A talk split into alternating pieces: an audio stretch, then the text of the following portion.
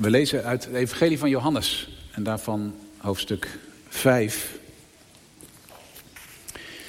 Het Evangelie van Johannes, nou, ik weet niet of u het weet, maar de Evangelie zijn natuurlijk geschreven om ons niet alleen maar feiten te geven over wie Jezus is, wat hij gedaan heeft, maar om ons iets te vertellen over de diepere betekenis van wie Jezus is. En Johannes probeert ons iets te vertellen over Jezus die het woord van God is. God zelf is. En in alles wat Jezus doet, alle tekenen, alle uh, ja, daden die hij op aarde doet, daarin gaat Johannes telkens verder met een verhaal om uit te leggen, of een gesprek tussen Jezus en de leiders, wie hij dan precies is. En dat gebeurt dus ook hier. Er gebeurt een genezing, Jezus geneest iemand en volgens komt er een discussie over wat dat nou betekent. We gaan het lezen vanaf hoofdstuk 5, vers 1. Er was een Joods feest en Jezus ging naar Jeruzalem. En in Jeruzalem is bij de schaapspoort een bad met vijf zuilengangen. Dat in het Hebreeuws Bethsata heet. Vroeger heette dat Bethsaida. Er lag een groot aantal zieken, blinden, kreupelen en misvormden. En er was ook iemand bij die al 38 jaar ziek was. En Jezus zag hem liggen en hij wist hoe lang hij al ziek was. En zei tegen hem, wil je gezond worden?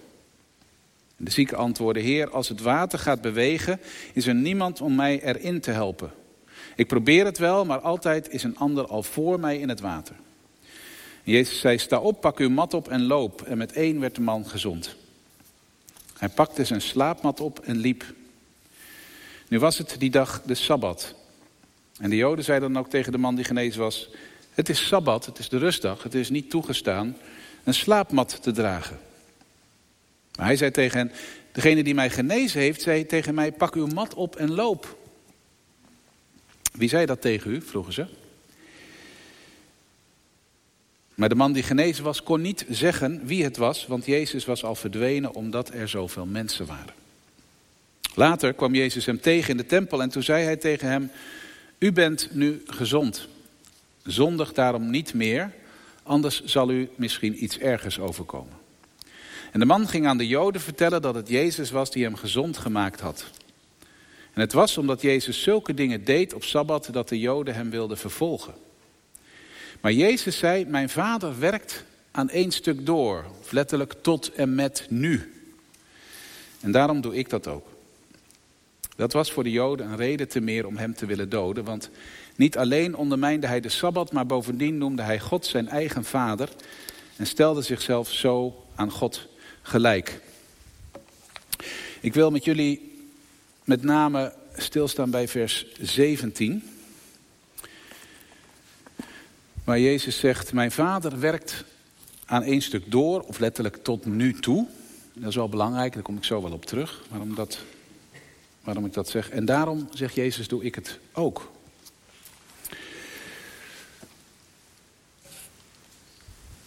Gemeente van onze Heer Jezus Christus, hier en thuis.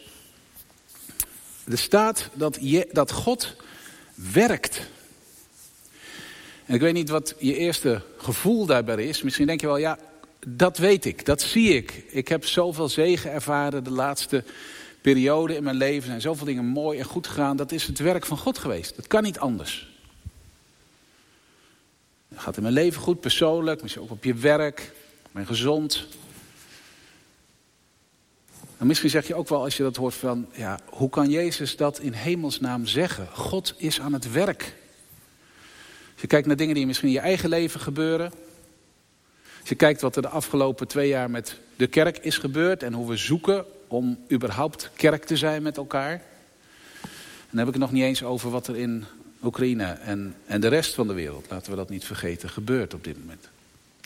Als je nou om je heen kijkt, hoe kun je dan zeggen dat God aan het werk is? En toch is dat waar ik mee begin deze dienst. Dit woord van Jezus dat God aan het werk is. Als een, een belofte. Als iets om je aan vast te houden. Hoe je leven er ook uitziet. Als een belofte als je aan het werk gaat in een nieuwe rol als ambtsdrager.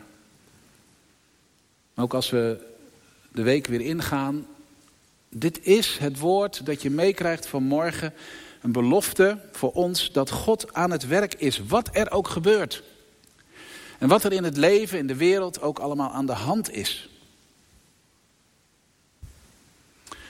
En dit is tegelijkertijd ook een oproep om met andere ogen naar die wereld te kijken. Terug te kijken op je leven en te kijken, is God, hoe is God daar geweest?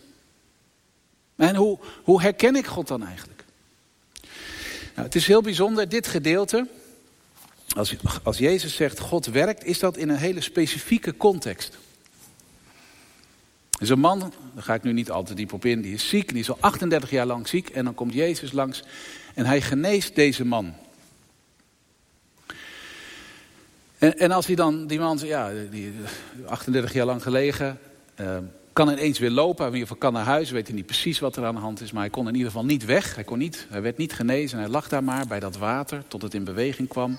Maar hij kon er niet inkomen. Jezus geneest hem en zegt, nou neem je matras op. Het bedje waar je de hele tijd op gelegen hebt. Ga naar huis. En dat is tegen het zere van de leiders van Israël. Want volgens hen was dat werken. Als je op de Sabbatdag, op de rustdag, je matras meenam om te wandelen, om te lopen en, en je liep zo'n end naar huis, dan was dat werk. En volgens de geboden staat er op dat werk, op de Sabbatdag, een straf, de doodstraf zelfs. En nou moeten we die mensen niet al te hard vallen, want wat zij aan zorg hadden was dat het in hun land, in Israël, niet goed zou gaan. En ze zeiden, als we ons niet precies aan de regels van God houden, dan zullen die Romeinen die ons land bezet houden nooit verdwijnen. Zal het nooit goed gaan. Wij moeten ons nauwgezet aan alle regels houden. En ze hadden dat dus nog wat uitgebreid ook. En hier staan bij hen dan ook de stoppen door. Hoe, hoe kun je nou op de Sabbatdag gaan wandelen met je matras? Even over het hoofd zien dat er net een wonder gebeurd is. En als ze dan Jezus tegenkomen en dan, dan horen ze dat Jezus dit gedaan heeft en dan is er een probleem. Dan willen ze Jezus vervolgen. Ze willen hem straffen. En dan zegt Jezus als antwoord op die kritiek. Mijn vader werkt tot nu toe. Staat heel nadrukkelijk in de, in de grondtekst. Tot en met nu, dit moment. Wordt onderstreept, misschien wel drie keer. Dit is het werk wat God doet tot nu toe. En daarom doe ik dit werk, deze genezing. Dus jij zegt eigenlijk, het is God die werkt op de Sabbat. Dit werk, deze genezing die we net gezien hebben, is het werk van God. Maar hoe moet je dat dan zien? Want hoe kan het nou dat God op de Sabbat werkt? Hij heeft toch zelf gezegd, de Sabbatdag is een rustdag. En als we dat lezen in Genesis, dan rustte God toch op de zevende dag en heiligde God die dag. Breekt God dan zijn eigen regels? Bovendien, je kunt je afvragen waarom moet Jezus het nou precies op de Sabbatdag doen? Zeven dagen in een week, die man is al 38 jaar lang ziek. Een dagje meer of minder had toch ook echt niet uitgemaakt.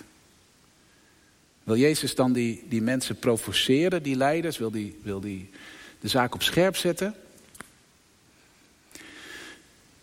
Nou, om te weten waarom dit zo is, wat Jezus hier precies zegt, moeten we begrijpen wat de betekenis van de Sabbatdag is, van die rustdag is. En in Genesis, Genesis 2, moet je thuis maar nalezen, ik lees er één vers uit, staat dat als God alle dingen gemaakt heeft en de mens gemaakt heeft en heel de schepping gemaakt heeft, dan staat er dat God op de zevende dag zijn werk voltooit en rust. Met andere woorden, die zevende dag is niet maar een aanhangsel bij de schepping, zoals wij dat misschien wel voelen. Hè. Maar het, het hoort wezenlijk bij de schepping. Het is de dag waarop God zegt, hier is alles voor bedoeld. Je bent niet bedoeld om zomaar te leven, om te bestaan. En alles uit elke dag te halen. Je bent niet zomaar, de wereld is niet zomaar bedoeld om er te zijn. Met alle vreugde en verdriet. Maar jij bent bedoeld om in een relatie met mij te leven. Je bent bedoeld om met mij in deze wereld te leven, te, te, te genieten, om vreugdevol te zijn en te dienen. De zevende dag is bedoeld om met God door de schepping te wandelen, om te zien, dit is waar het leven voor bedoeld is. En dat is het begin van je werkweek. Je rust niet omdat je gewerkt hebt, maar je gaat werken omdat je gerust hebt. Je werkt omdat je met God een verbondenheid hebt. En van, vanuit Hem de wereld ingezonden wordt om te dienen. Dat was het ideaal. Alleen, wij zijn zo eigenwijs dat we zeggen, het is een beetje zonde van de tijd om een hele dag niks te doen. We hebben God niet nodig. Laten we gewoon 24 uur per dag, zeven dagen in de week doorwerken. Dat is veel economisch efficiënter. We weten het beter dan God. Nou, je ziet wat er van komt. De wereld is in stukken gevallen. Het is, het is misgegaan. En vanaf dat moment is God op een andere manier doorgegaan met zijn werk. Zijn ideaal is niet veranderd. God heeft nog steeds het verlangen dat heel de wereld, heel de schepping met Hem verbonden is. Dat wij met Hem verbonden zijn in een persoonlijke relatie en dat we van daaruit ook in de wereld aanwezig zijn. Dat alle dingen zijn zoals Hij het bedoeld heeft. Dat is waar God vanaf dat moment aan is gaan werken. En Jezus zegt, dat doet God tot nu toe.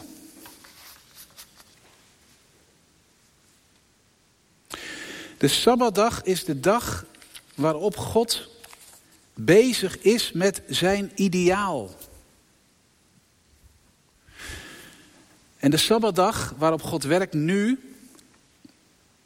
is de Sabbatdag in een hele reeks. In die zin heeft de NBV ook gelijk. God werkt aan één stuk door. Vanaf de dag dat het misging is God aan het werk gebleven om alles weer te maken zoals hij het bedoeld had. En dat zie je nou precies op deze rustdag gebeuren als die zieke man genezen wordt. Zo was het niet bedoeld. En God zegt, ik werk en ik zal laten zien hoe het leven wel bedoeld is. Dat is maar een klein teken. Er waren veel meer mensen ziek daar in Betsata. Er is maar één iemand en die wordt genezen als een teken dat God aan het werk is om heel zijn schepping weer te vernieuwen.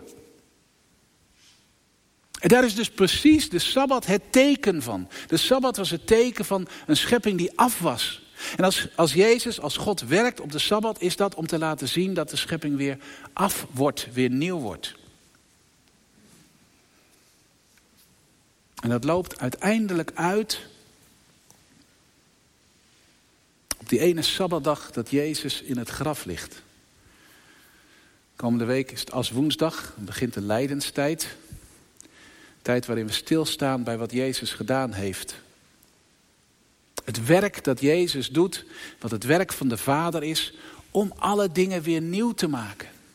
En als het Goede Vrijdag is, dan hangt Jezus aan het kruis. En wat roept hij dan? Hij roept, het is volbracht, het is af, het is voltooid. Dit is waarin alles gebeurt wat God al vanaf het begin tot nu toe doet. Dit is het werk van God tot nu toe.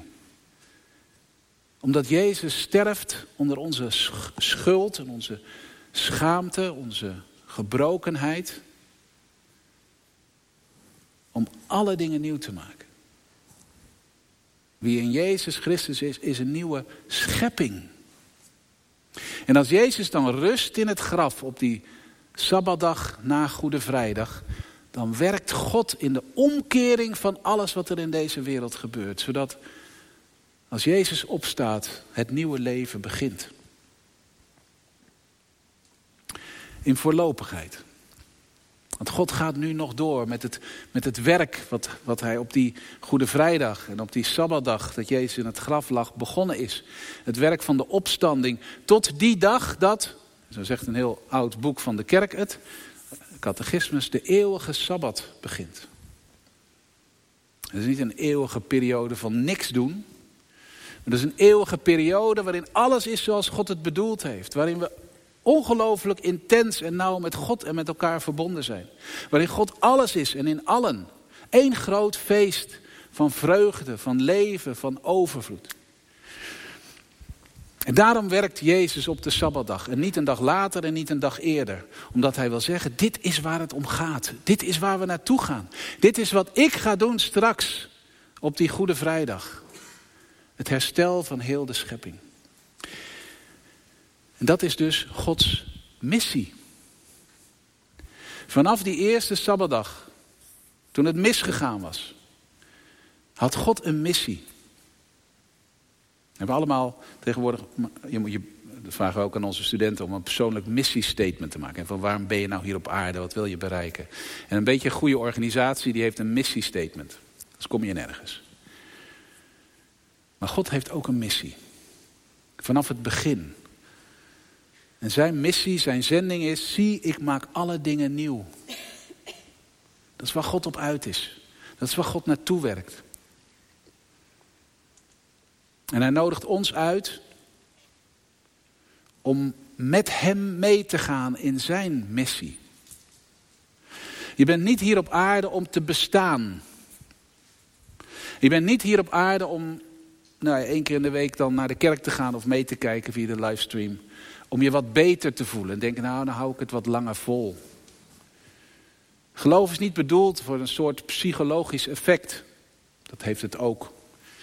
Je mag ook vrede ontvangen, dat zegt de Bijbel ook. Maar in de eerste plaats is, is geloven dat je je door God laat roepen en dat, dat je door God laat aanspreken. God zegt tegen je, ik heb een missie. Met jouw leven. Ik wil jouw leven nieuw maken. Ik heb een missie met heel deze wereld. Ik wil heel de schepping weer maken zoals die bedoeld is. En ik nodig je uit om in deze missie mee te gaan.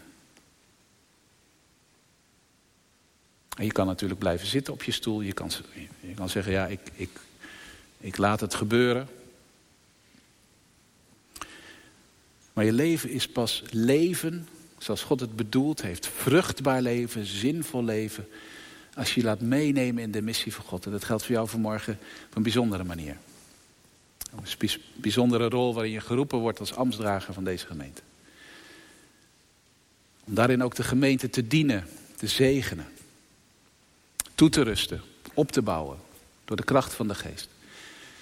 Maar uiteindelijk gaat het over ons allemaal. Dat God ons uitnodigt om, om de wereld in te gaan. Helend, genezend. Verzoening brengend. In een wereld vol haat. In het uitdelen van de genade van Jezus Christus. In te vertellen over de grote daden van God. Ieder op je eigen manier, met je eigen gaven. Dat is waar we vanmorgen toe geroepen worden. En dan is het een enorme belofte om te horen dat Jezus zegt, God werkt. Als God niet werkte, dan zou je toch niks kunnen, de wereld niet in durven gaan. Wat moet je nou in je eigen kracht? Wat heb je nou te zeggen? Maar als God werkt, dan kun je toch in alle vrede en alle ontspannenheid ook de wereld ingaan en, en een getuige zijn, een spiegel zijn van de liefde van Jezus Christus. Hoe zou je anders überhaupt deze roeping aangaan? Als God niet zou werken. Dus het ploegen op rotsen. En daarom is de belofte voor ons allemaal vanmorgen dat God werkt. En misschien denk je, ja, ik zie dit nog niet, zo'n wonder, dat kan. Maar als je ogen open gaan voor wat God aan het doen is, dan zie je dat Hij wel degelijk aan het werk is. En dat Hij ook in deze wereld, waar alles tegen Hem lijkt te spreken, uiteindelijk Zijn gerechtigheid zal laten zegevieren. En alle dingen zal laten meewerken ten goede. En daarom mag je weten als een belofte, God werkt. En dat wordt niet teniet gedaan door wat er in deze wereld gebeurt.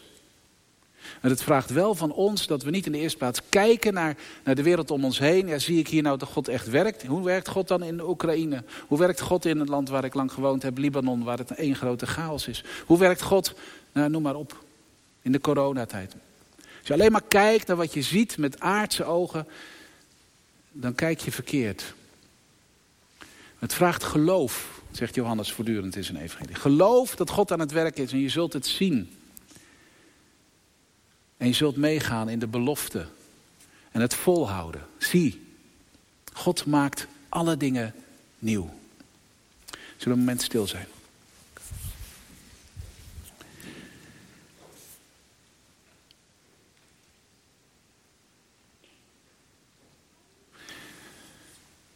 Heer onze God, wij danken u dat u aan het werk bent. En dat u niet heeft gezegd, laat maar zitten. Dat u mensen zoals wij, die soms denken dat we het beter weten dan u, niet laat zitten, maar dat u doorgegaan bent met uw werk. Dat u een missie hebt om heel uw schepping weer nieuw te maken. Ons te redden van onze leegte en van onze zinloosheid. En we danken u dat u ons uitnodigt om in die missie mee te gaan. Het bijzonder voor morgen, ziet ze, maar het geldt voor heel de gemeente, hier en thuis. We zijn geschapen om een relatie met u te leven. Wilt u ons opnieuw tot u trekken, ons verleiden om met u mee te gaan? Ons een hele persoonlijke band geven met u, want alleen dan kunnen wij uitdelen. En, en laat u ons dan zo zien hoe, hoe u ons in uw missie wilt betrekken. Wat onze gaven en talenten zijn, waar u ons toe roept. En dat kan zijn in een ambt van ouderling, maar dat is in de eerste plaats ook gewoon in de, in de plaats, de plek waar we wonen en leven, in ons gezin, in de buurt, in, op ons werk. Kom met uw geest en rust ons toe om u ook werkelijk te volgen waar u ons leidt. In Jezus' naam.